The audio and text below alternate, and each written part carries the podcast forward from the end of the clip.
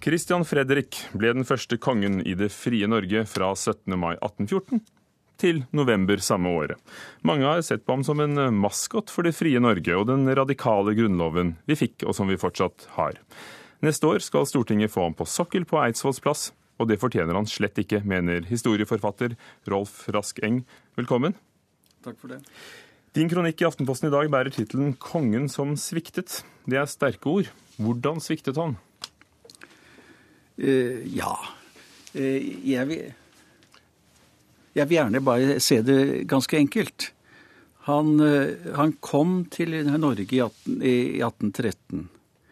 Han fremsto som en vinnende, fin personlighet helt fram til 19. mai. Han hadde et redskap som kunne fortsatt hans store eh, tanker videre. Han brukte den ikke. Han hadde et redskap, og det var den norske hær med dens offiserer og soldater. For å ta det ganske enkelt og si at jeg sier at kongen sviktet. Vi trenger ikke å sette han opp på en sokkel og si at her har vi den store konge som ga oss Grunnloven. Det var det andre som gjorde. Hvis vi skulle ha satt noen på en sokkel etter i 1814, så er det ganske enkelt den norske soldat, den nasjonale soldat, som vi hadde ganske mange av. Du skal straks eh, møte en annen historiker her i studio, men hva skulle han ha gjort, Christian Fredrik?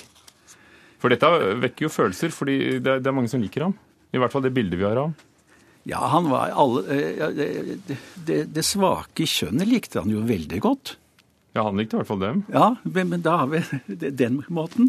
Hvis vi ser men, slik. Men, men altså det å, å være, være, en jentefutt, det har jo aldri stått i hinder nei, for en politisk karriere? Det, det er det ikke, ikke, Men det han kunne gjøre, han kunne bruke det, den redskapen han da hadde. Han mente seg selv at han var odelsborn til Norges eh, trone. Og det betinger at han tar hensyn til eh, de 92% av befolkningen som tilhørte bondestand i 1814. Skulle han gått til krig mot Sverige?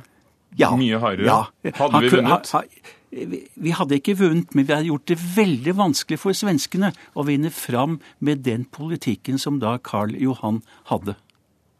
Bård Frydenlund, du er historiker ved Universitetet i Oslo og skriver på en eh, ny bok om hva som skjedde 1814, og som kommer i jubileumsåret neste år. Um, Christian Fredrik, var han helt, eller sviktet han oss? Han hadde helt klart viktige funksjoner for Norge. Det er vel først å si at det er veldig bra at man skaper debatt om viktige personer og viktige temaer innenfor 1814. Vi, vi kommer et grunnlovsjubileum i møte, og, og, alle institusjoner som er involvert i dette, er veldig glad for at det kommer en god debatt om det. Også om den type statuer som skal settes opp eh, på Eidsvolls plass.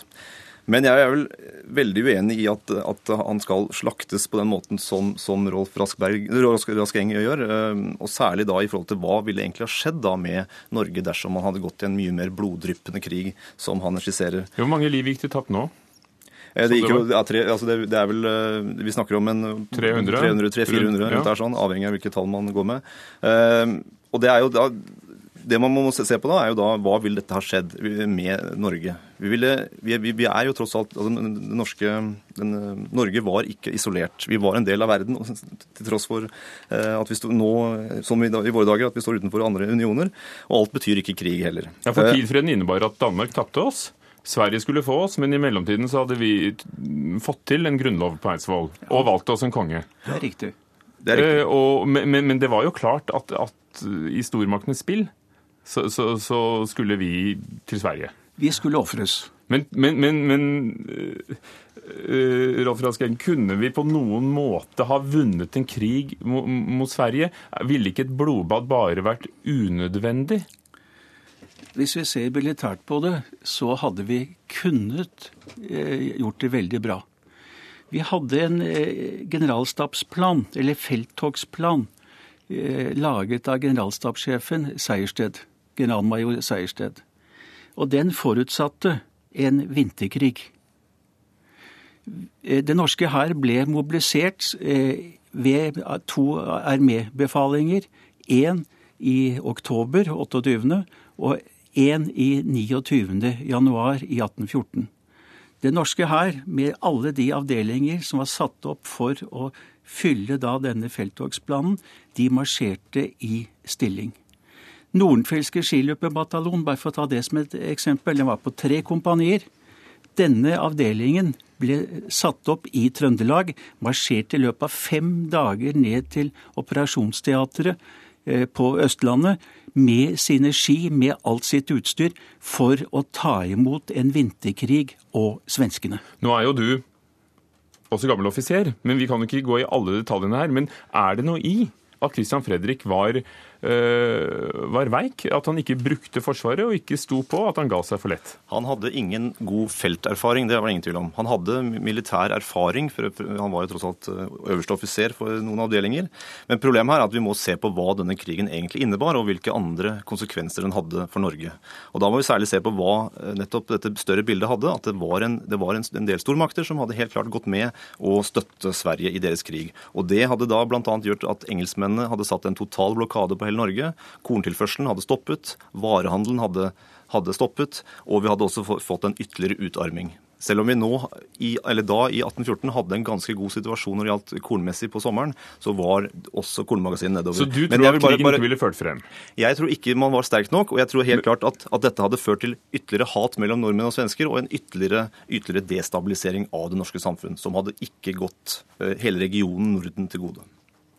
Det ville destabilisert oss, og, og, og vi ville blitt svekket på sikt, mener din uh, opponent her. Eh, jeg tror ikke det. Jeg tror at eh, Karl Johan var etter at våpentilstanden mens den løp, før da Christian Fredrik forlot da Norge, så ble han klar over hvordan generalstabsplanen da, da var for Norge.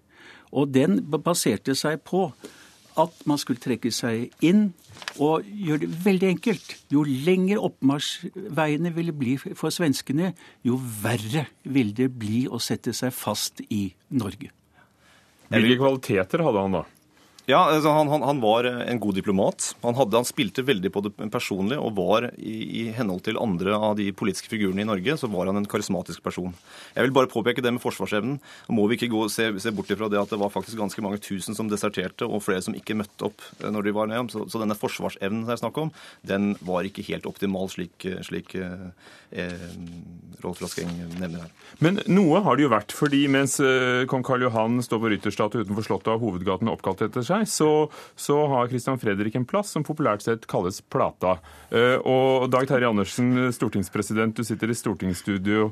Eh, hvorfor har det da tatt så lang tid å få en statue som dere i Stortinget nå vil gi til 2014, og som kommer opp til neste år foran Stortinget? Nei, Jeg tror ikke jeg skal svare på hvorfor det har tatt så lang tid. Jeg vet det ble diskutert der i forbindelse med 100-årsjubileet for Grunnloven, men eh, det vi kan få gjort noe med, det er framtida. Og nå har vi altså bestemt at det skal reises en eh, statue av Christian Fredrik. Eh, og jeg vil understreke det, det er ikke som general vi ønsker å markere Christian Fredriks betydning i norsk historie. Men det faktum at han var sentral helt ifra prosessen med Grunnloven starta i februar 1814 Eh, han var sentral. og ble, Ved utforming av Grunnloven ble valgt til konge 17. Eh, mai. Men ikke minst det politiske håndverket det lå i at når vi da måtte gi oss i forhold til eh, Sverige, så sørga han altså for at vi fikk beholde Grunnloven. Ja, Var det hans fortjeneste, tenker du? Ja, Han var i hvert fall en av dem, og det var jo han som da var eh, regent på det eh, tidspunktet. Eh, og det som var tilfellet, var jo det at når vi da i august forhandla i Moss, så beholdt klarte altså han, sammen med andre sikkert, å sørge for at Norge fikk beholde Europas mest radikale grunnlov. Han var jo, sjøl om han sjøl var konge, med på å innføre maktfordelingsprinsippet i Norge, det at folket står over alle de politiske institusjonene. Og han klarte altså å sørge for at eh, ja, vi ble i union med Sverige, vi hadde felles konge med Sverige, men Norge hadde fremdeles sin grunnlov, og Norge hadde fremdeles sin folkevalgte eh, forsamling. Og det er det, det er det, som er sentralt i norsk historie. Det er ikke som general vi ønsker å sette opp statue av Christian Fredrik, med den betydninga han har hatt for en grunnlov som vi nå skal feire 200-årsjubileum for. Rolf Raskeng, dette er da diplomatiske evner eh, så det ryker etter? Ja, det er det. Men vi skal huske på det at etter legers erklæring så meddelte statsrådet 22. august at de hadde i samsvar med Grunnloven overtatt den utøvende makt innen Norge. Det het på grunn av kongens sykelige tilstand. Men om han så, Så- så- var svekket av sykdom, og som du skriver satt på Bygdøy kongsgård og forlot Norge bakveien fordi, for, fordi han tok båten fra Bygdøy og bodde ikke på paleet som var kongeboligen, hva gjør de? Han var jo likevel den som var konge da denne forhandlingen lykkes i å beholde grunnloven vår. Ja, han var konge, men han hadde ingen reell og utøvende makt. Det var det andre vise og store menn i norsk historie som hadde. Og de henger det jo bilde av på, i stortingssalen, faktisk. Ja. Vi må sette strek der, alle sammen. Takk skal dere ha. Rolf Raskeng, som skrev kronikken i dag, og som er eh, historiker, og Bård Frydenlund, som skriver på ny bok om 1814. Og takk til deg, Dag Terje Andersen, presidenten på Stortinget.